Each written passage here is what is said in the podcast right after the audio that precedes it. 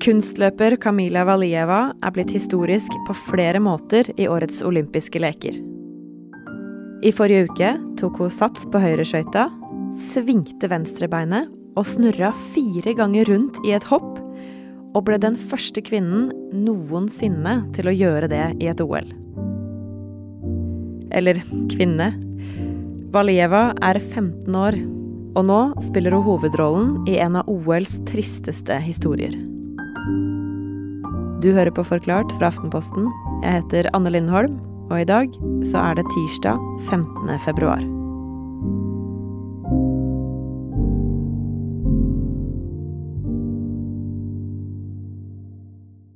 I Norge er vi jo veldig opptatt av eh, langrenn, eh, men kunstløp er på et helt annet nivå.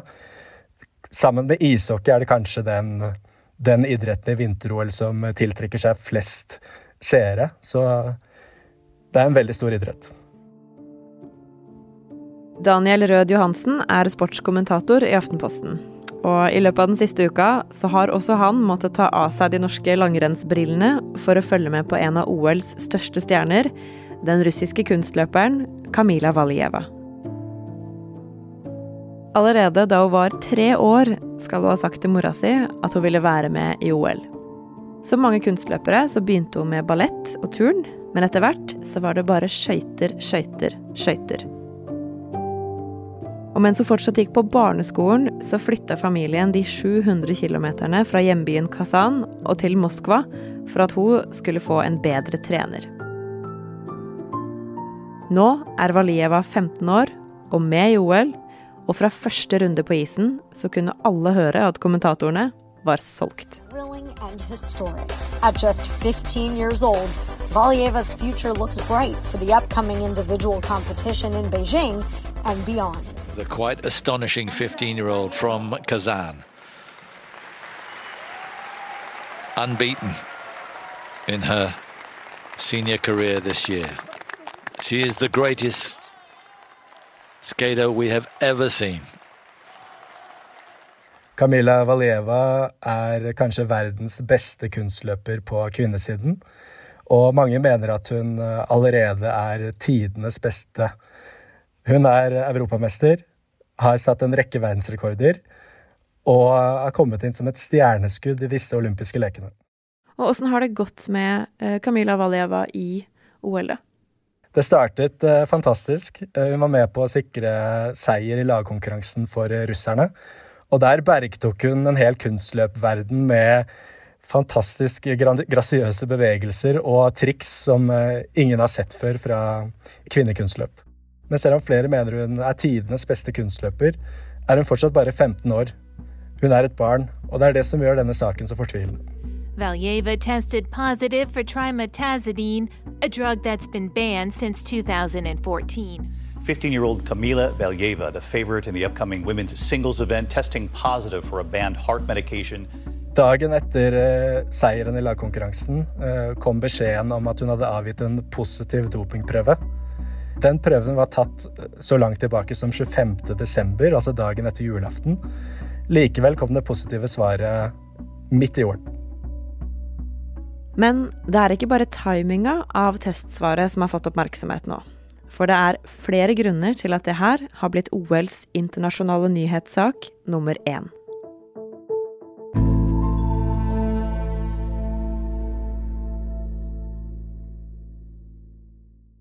Daniel, hva skjedde da det ble klart at Valieva hadde testa positivt for et stoff som står på dopinglista? Når en sånn nyhet kommer om en så stor stjerne, sender det jo naturligvis sjokkbølger gjennom idrettsverden og, og de olympiske leker. Ikke minst fordi dette er en utøver fra en stor idrettsnasjon som Russland. Og hun testa positivt for trimetasidin. Hva, hva, er det? Det er et stoff som vanligvis brukes for å behandle smerter i brystet. Helt konkret så fungerer det slik at det øker blodtilførselen til hjertet. Men er det prestasjonsfremmende? Altså gjør det Kan det ha gjort at Valieva har gått bedre på skøyter? Det er eh, litt usikkert om det er prestasjonsfremmende. Der er eh, ekspertene delt. Noen mener at eh, økt blodtilførsel til hjertet kan gi bedre utholdenhet. Kanskje også kortere rehabiliteringstid. Og selv i en så teknisk idrett som kunstløp vil økt utholdenhet være en, eh, en viktig fordel.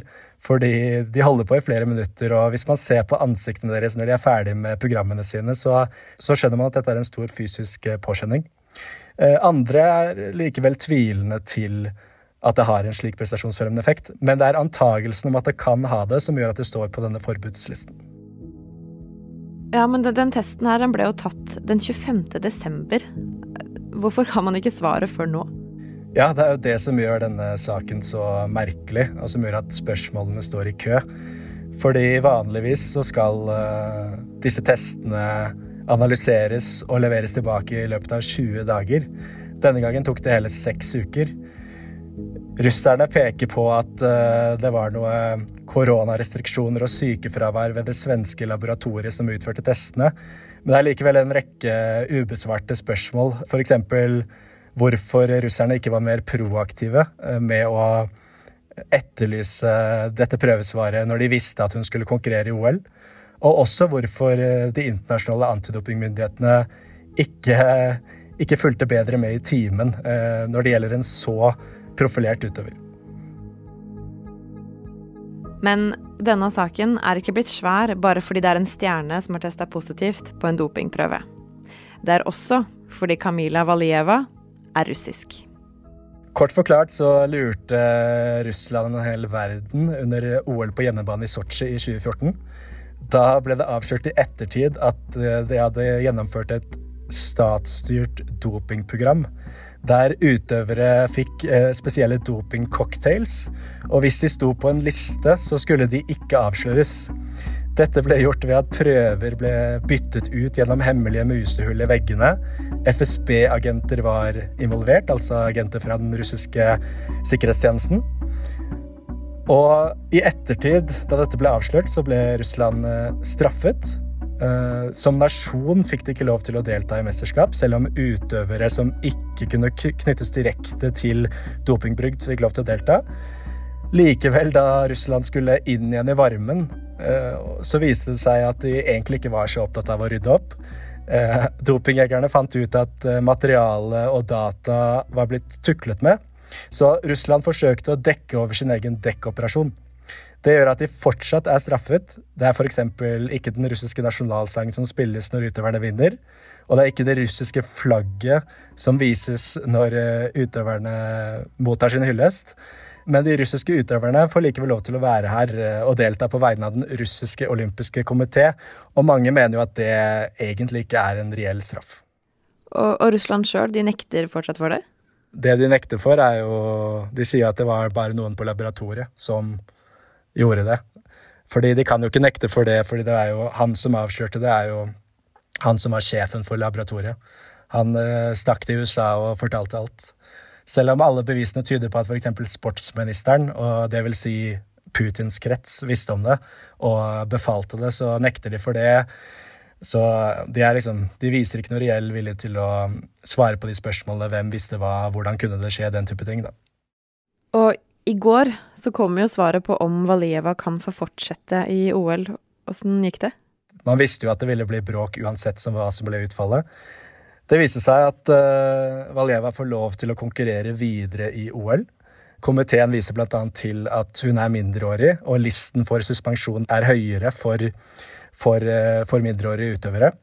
I tillegg er det en del uh, uklarheter i hvorfor prøvesvaret kom såpass sent, og det kan ikke Valjeva klandres for. Derfor mener komiteen at det ikke er forholdsmessig å kaste henne ut av uh, mesterskapet nå. Det betyr ikke at saken er over. Selve bruddet på dopingreglene skal behandles på et senere tidspunkt. Og det samme skal spørsmålet hva som skjer med gullet russerne vant. Det er jo noen amerikanere eh, som fikk sølv, som gjerne skulle hatt medaljer av en annen valør. Og Valieva sjøl, åssen går det med henne oppi alt det her?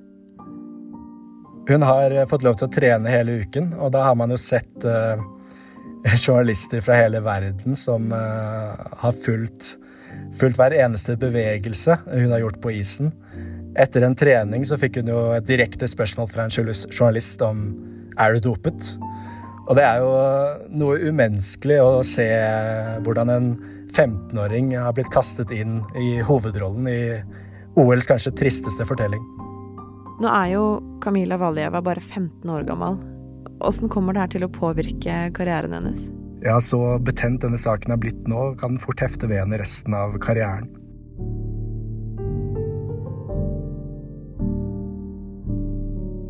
Hva sier det om OL og toppidrett på dette nivået? Det er mange tenåringer som deltar i OL.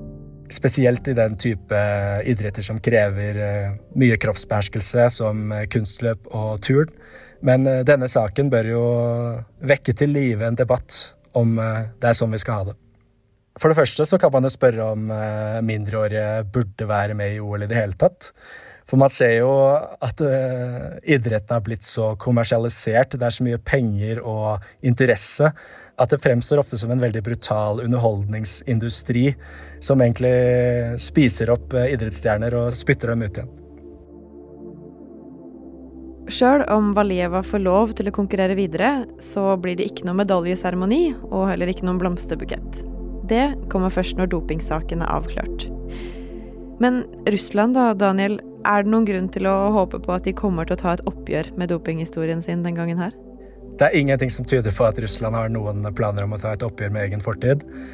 Hver gang de har fått sjansen, så har de forsøkt å forlede verden. Eh, da det skjedde én gang, så kunne man jo kanskje tro på forbedring. Da det skjedde en gang til, selv med det søkelyset de hadde på seg, eh, ble det veldig vanskelig å tro på det. Eh, senere i år så kommer det til å bli tatt en beslutning på om alle sanksjonene mot Russland skal oppheves. Og hvis det skjer uten at Russland har tatt et troverdig oppgjør med egen dopingfortid, vil det være trist for eh, idrettens fremtid.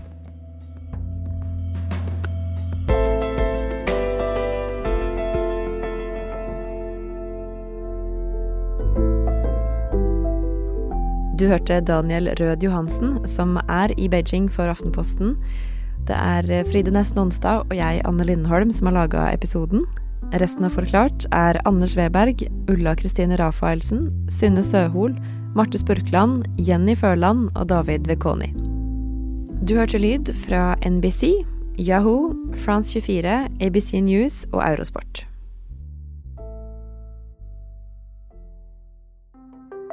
Mitt navn er Oda Weide Krogh, og i podkasten Vi må snakke om skal jeg, sammen med samlivsekspert Frode Tuen, forsøke å gi deg og partneren din gode råd og verktøy for å manøvrere litt stødigere gjennom hverdagen og samlivet deres.